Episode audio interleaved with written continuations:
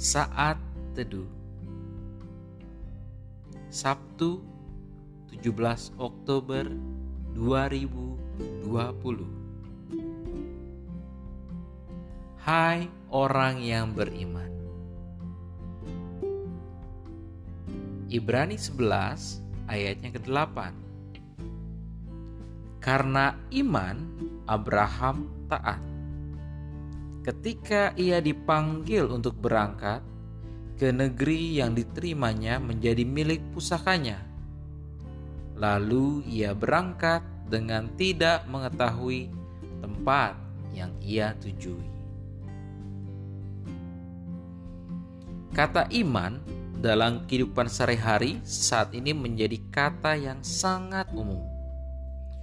Kalimat orang yang beriman digunakan untuk orang yang beragama.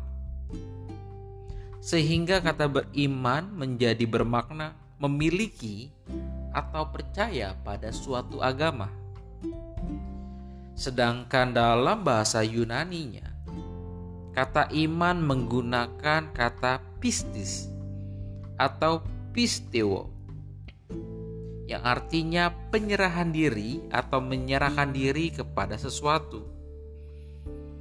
Jadi sesungguhnya arti kata iman itu sendiri bukan sekedar percaya atau memeluk agama tertentu, tapi juga penyerahan diri.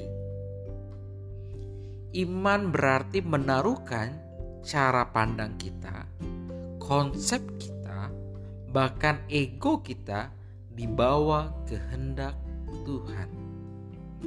Oleh karena itu, diperlukan iman untuk mengerti kehendak Tuhan dalam hidup kita. Dalam iman, tidak ada lagi kata "my way", tapi yang ada hanyalah God way.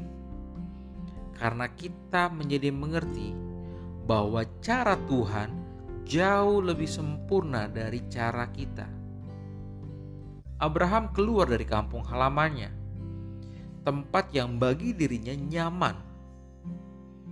Abraham tidak mengalami kekurangan di sana, tapi imanlah yang menggerakkannya keluar menuju tempat yang mungkin tidak diketahuinya.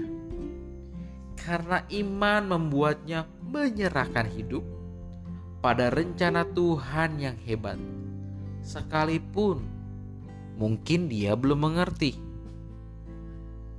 Salam untuk kamu, orang yang beriman, orang yang menyerahkan hidupnya pada rencana Tuhan yang besar.